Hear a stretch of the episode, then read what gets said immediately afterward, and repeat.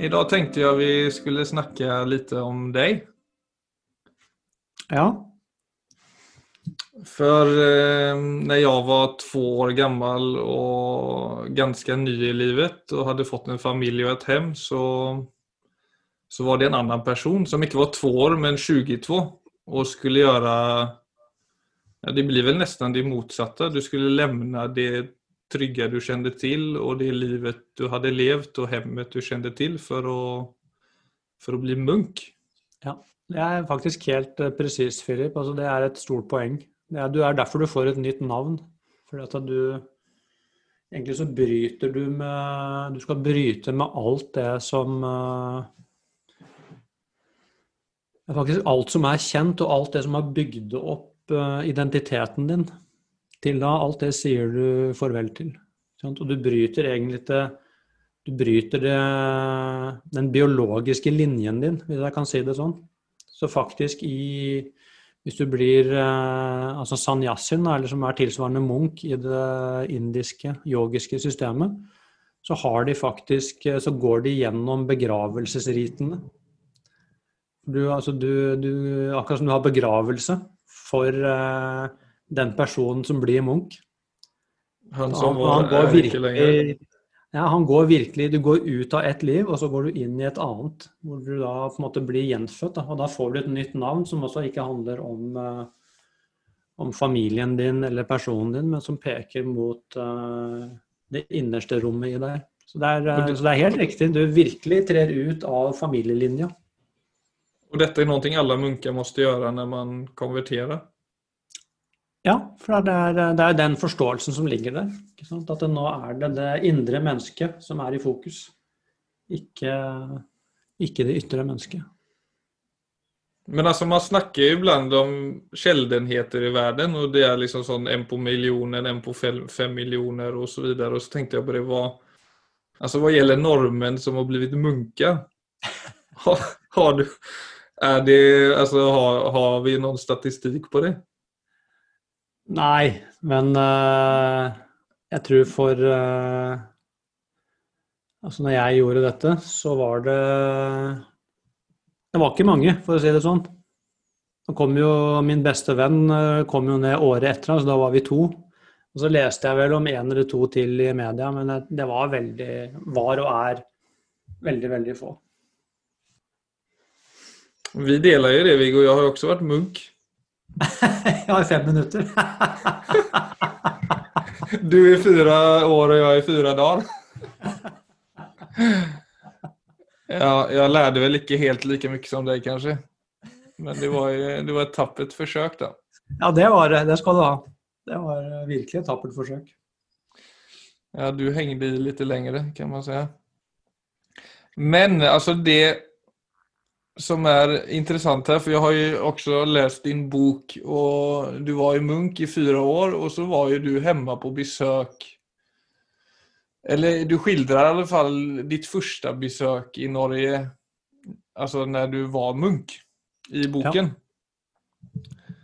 Kan du ikke bare berette litt kort om det, hvordan det, det møtet var? Altså da, da var jeg jo jeg dro hjem eh, ganske raskt etter at jeg ble altså ordinert til Munch, som det heter. Og det var for å Altså, jeg måtte jo snakke med foreldrene mine og ordne opp liksom alle i Egentlig alle affærene mine. Mm. Så så klart, Jeg kom jo da hjem altså nybarbert på hodet og i munkeklær, og det er jo kjemperart. At jeg skulle landa på da er det flyplass på Fornebu eh, på den tida. Jeg landa der og kom ut i den munkedrakta. Det var eh, ja, virkelig, virkelig rart, altså. Og så kom jeg hjem, og så er det jo altså, Mens her så er jo alt sånn som det alltid har vært. Så, en, så, I mitt liv har det skjedd en så stor endring som, uh, som du kan få til, egentlig. Men uh, men det er klart, heldigvis, og sånn skal det være. altså For familien min og alle jeg snakker med, så er jo jeg fortsatt så er det jo bare Viggo som kommer tilbake. Jeg har riktignok tatt et veldig rart valg. Men det går kjempefint. altså jeg, Først får jeg snakka ikke ordentlig med foreldrene mine. Og, det var ikke noe internett på den tida, så noe, de visste jo egentlig ingenting om dette var Altså om jeg var blitt hjernevaska, om jeg var blitt kommet inn i en sekt. Altså, de vet jo egentlig ingenting. Nei. Mens uh, i løpet av de månedene så snakker jo vi masse filosofi, og de, de begynner jo å forstå disse buddhistiske prinsippene. Så de tar jo til seg faktisk veldig mye av dette, og er i dag veldig takknemlig for, uh, for de valgene jeg har tatt. For at de har også fått utrolig mye igjen for det. Så, det, så sånn sett så er det helt supert. Men så blir jeg invitert på utdrikningslag og sånne ting, som jo er egentlig helt herlig. Men ikke de typiske for munker, kanskje? Nei, det er selvfølgelig ikke. Og det uh, Men jeg husker også når jeg, når jeg fikk invitasjonen, så var det jeg, jeg, kunne ikke finne noen god grunn til ikke å dra. At det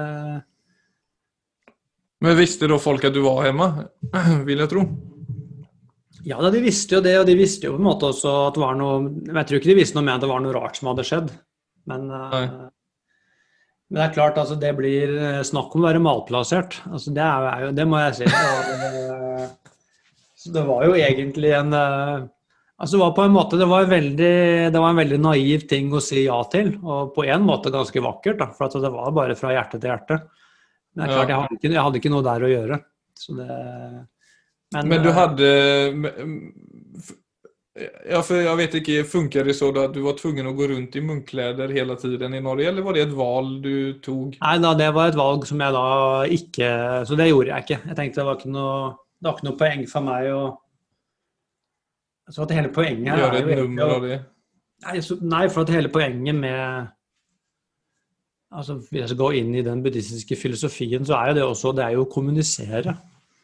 Så i, i en indisk eller tibetansk uh, sammenheng mm. så betyr jo den drakta noe. Så du kommuniserer jo noe, det er noe som bringer folk sammen. Mens uh, i Norge så var, var det i hvert fall, og kanskje fortsatt er, så bare veldig, veldig rart. Du blir jo stående helt på utsida. Ja.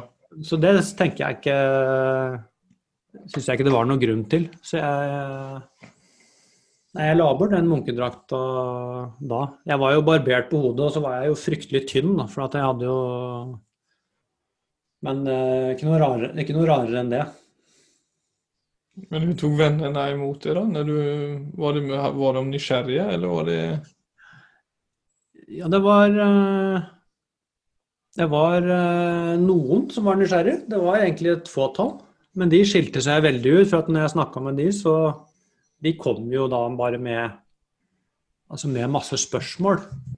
Og ja. da, da, er jo veien inn til gode og meningsfulle samtaler den er veldig kort. Mens når andre som egentlig er engstelige og litt redde, og så skal du prøve å ha en samtale, men det er ingen som snakker om elefanten i rommet, så blir det veldig rart.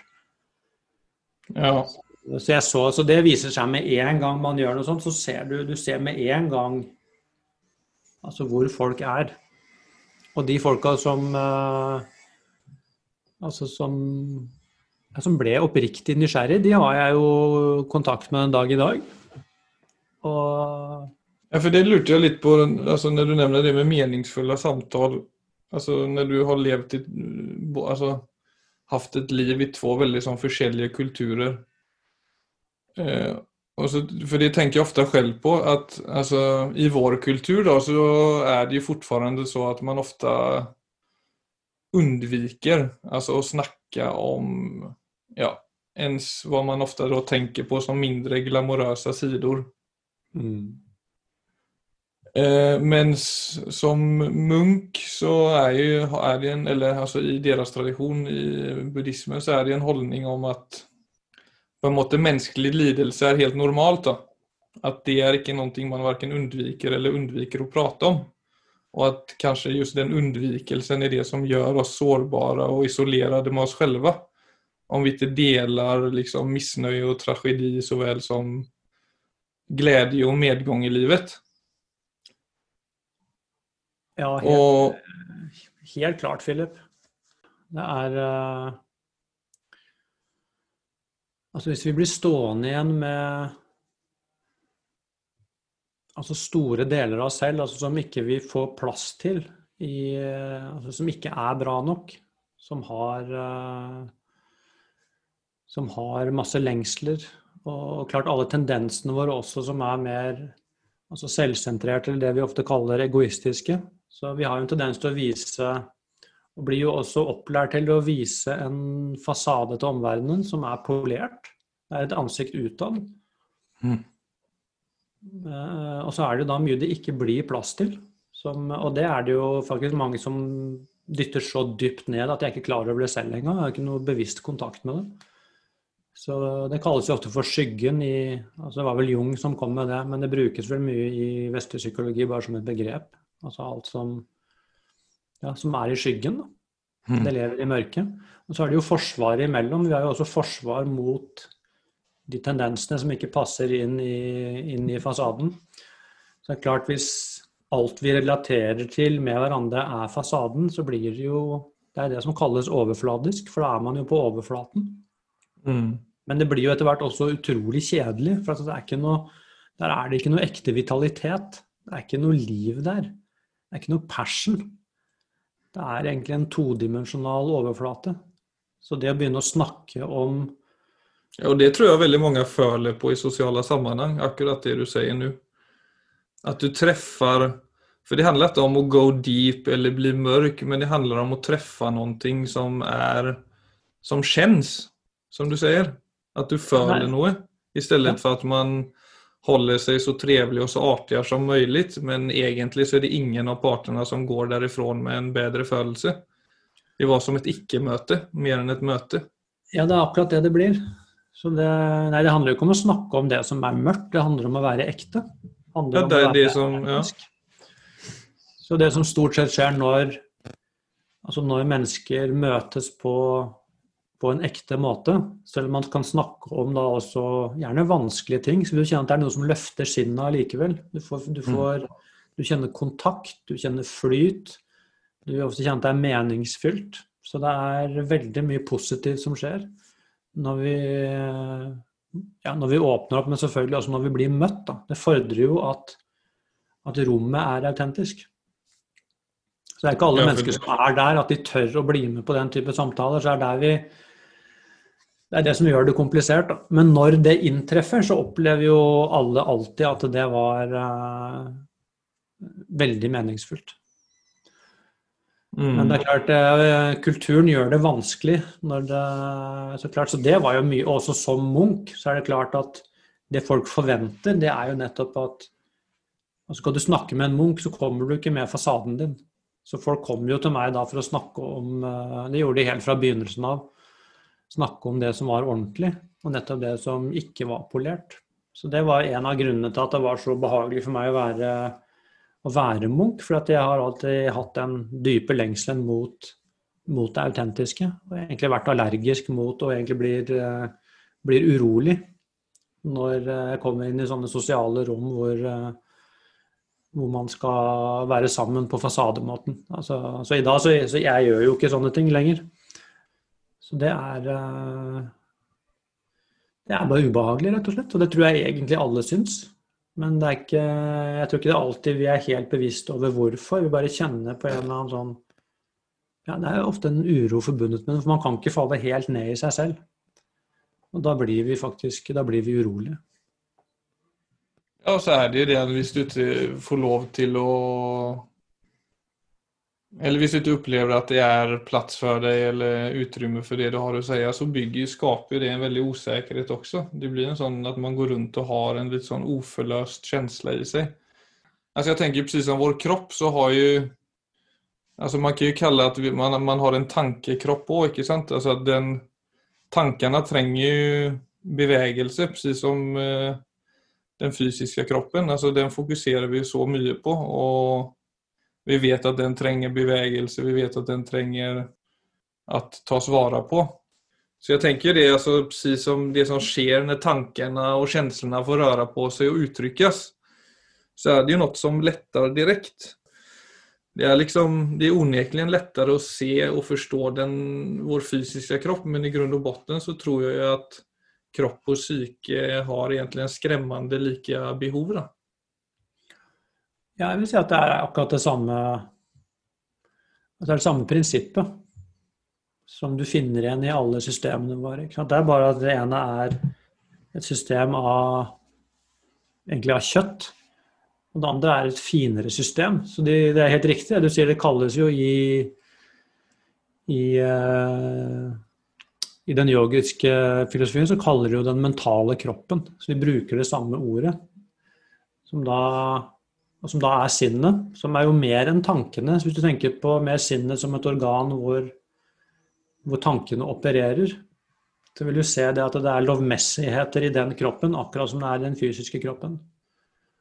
Og, og du vil se tanker, hva er det de gjør? De, de beveger seg. Det er, helt, eh, det er akkurat som du sier. Det er, det er en form for energi som flyter. Og hvis vi hele tiden skal stoppe den flyten, så blir det som om du egentlig demmer opp en elv det blir et vanvittig trykk.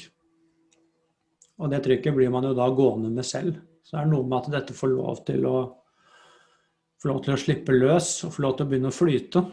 Men da kommer vi jo tilbake til det vi har snakket om noen ganger, det å se at den aktiviteten, altså aktiviteten i den mentale kroppen, det er heller ikke meg. Og det er først da du kan få lov til å flyte, når du ser det at uh, du er ikke dine tanker og følelser. Mm. Det er bare ting som prosesseres.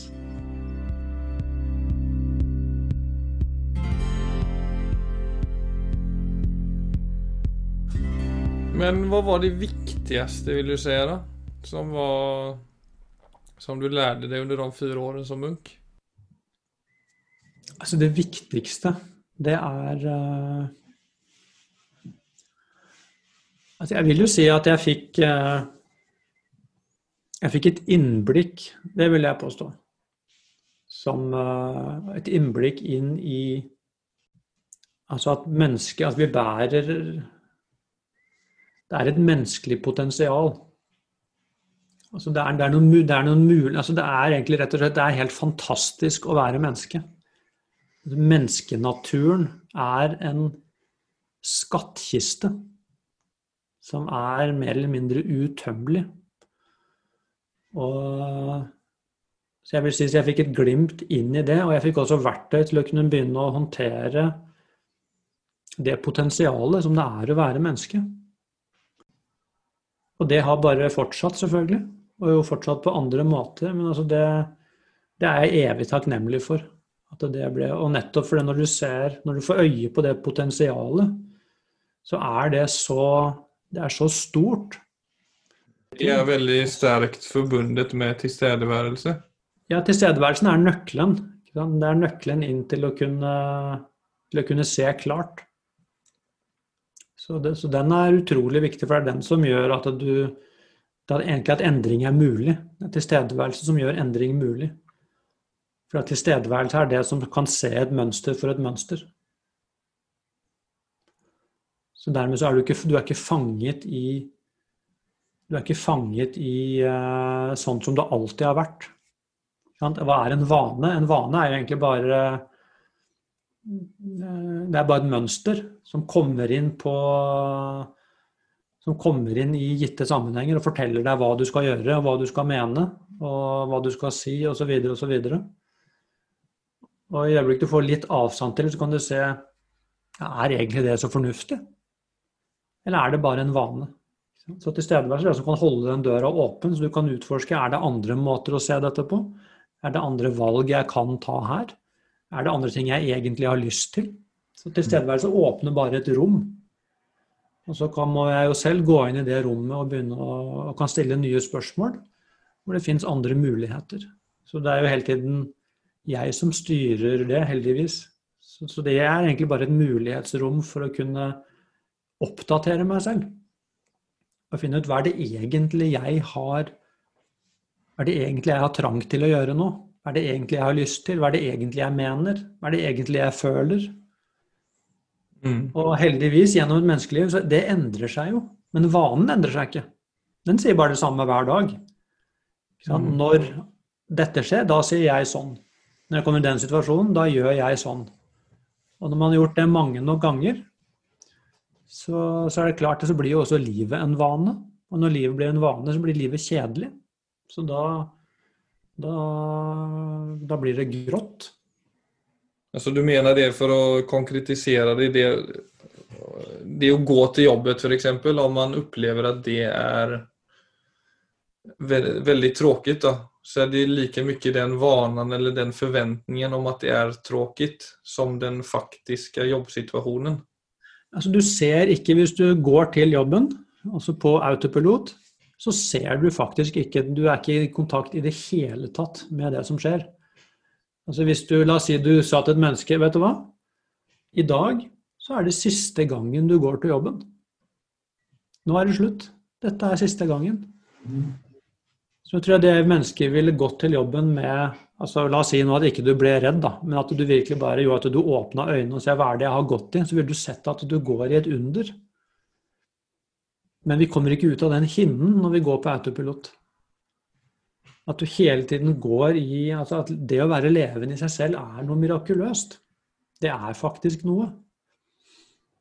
Du ser hva som skjer når mennesker blir alvorlig syke, f.eks. Så får en, en eller annen diagnose, en sånn ting, så er det med en gang så Du slutter å ta det for gitt. Og I det øyeblikket du slutter å ta det for gitt, så kommer ofte de dypere følelsene fram. Altså, da kommer takknemlighet, f.eks. Eh, overfor hva da? Overfor hverdagen din, faktisk. Men som vi ofte tror vi har, akkurat som vi har uendelig med tid, så blir vi, så blir vi blinde. Så det er jo igjen det tilstedeværelse gjør. Det bare åpne opp et rom hvor du ser at det, til og med det å gå til jobb, er, det er faktisk noe. Altså bare det å kunne sanse, hvis du tenker litt på det, det at du kan sanse den verden du har rundt deg akkurat nå. Hvis du går inn og tenker på hva det er, så vil du se at det er jo helt Det er jo bare veldig utrolig. Mm. Så vi tar på en måte den grunnleggende menneskelige situasjonen, at vi er levende, at vi har et sanseapparat, at vi kan vite, at vi kan reflektere, at vi kan tenke over ting, at vi har språk. Alle de tingene der. Vi tar det fullstendig for gitt, for vi lever i det hele tida. Men det å virkelig gå inn og ta det inn over seg, så vil jeg si wow. Ja, men det er jo ja, det er jo precis som om vi da har en for dårlig forankret tilstedeværelse. For jeg, så som det jeg opplever da, er jo de gangene jeg er eh, har på en måte tilgang til en god tilstedeværelse. Tilgang til en god kontakt med det jeg gjør. Det er da jeg kommer i kontakt med de stemningene som livet har å erbjude. Altså en tidig höstmorgon, sitta framför peisen og fornemme eh, situasjonen. Alltså allt det der som er på en måte små ögonblick men som träffar en veldig starkt. Mm. Det kommer jo også av en eh, et nærvær som er på plass. da. Helt. Det er så som Når vi sitter og snakker om det nu så kan jeg forstå at For det kan det også være for meg, for jeg har også dårlige perioder på å både praktisere tilstedeværelse, men også å være det. Eh, men det blir, det blir et avstand da, til det der hvis man ikke helt er på plass. Ja, det fordrer, det er helt riktig, det fordrer altså For å få øye på det, så må vi egentlig falle, vi må falle litt til ro. Så, så lenge ting går sant, i 100 km i timen opp i hodet, så kommer vi ikke i kontakt med det jeg snakker med nå. Det gjør vi ikke. For da er vi bare i kontakt med disse kjappe impulsene som hele tiden treffer systemet vårt. Mens uh, i det øyeblikket du går ut altså på et mørkt sted og ser opp på stjernehimmelen, så vil du kjenne at du, det er noe helt annet som plutselig inntreffer. Så dette så det er klart, og Man har jo ikke muligheten til å ta inn den type rom hele tida. Det, det er jo der mindfulness igjen kommer inn som en praksis. Det er jo det at du bruker pusten på samme måte. Du bruker pusten til å, egentlig til å regulere deg selv. Men du mm. bruker pusten til å komme ut av det at det går i hundre i hodet og i kroppen. Og med en gang du bruker pusten til å, til å synke ned, altså mm. falle ned, og det er et øyeblikk av ro, så kobler du deg på eller kobler, Du ser virkeligheten automatisk på en annen måte. Så Det er derfor det er så viktig. For at ro er en forutsetning for tilstedeværelse. Mm. Og tilstedeværelse er en forutsetning for å se det at jeg er ikke mine tanker og følelser, men jeg står i en relasjon til dem. Og da kan jeg da, og når jeg ser at jeg står i en relasjon til det, så kommer noe som heter skjelneevne. Da kan jeg begynne å skille mellom hva som er hva. Jeg ser ting klarere. Jeg kan begynne å putte ting inn i de rette hyllene og de rette skapene. Så begynner en automatisk opprydding i mitt eget liv. Og så skjer det da, er det nødt til å skje da en, en vekst. Altså for da kan jeg begynne å skille mellom de forskjellige stemmene i meg selv. Hvem, hvilke stemmer som, som er autentiske. Hvilke mm. lengsler som er ekte og hva som egentlig bare er gammel moro som hele tiden kommer og banker på døra. Som jeg da kan begynne å si nei til. Så alt dette er egentlig naturlige prosesser som henger sammen. Men uten ro så blir det, da blir det bare preik. Det blir bare altså, intellektuell kunnskap. Men altså, hvis du skal ha dette inn i livet ditt, så trenger vi øyeblikk av ro for å få kobla oss på oss selv på en annen måte.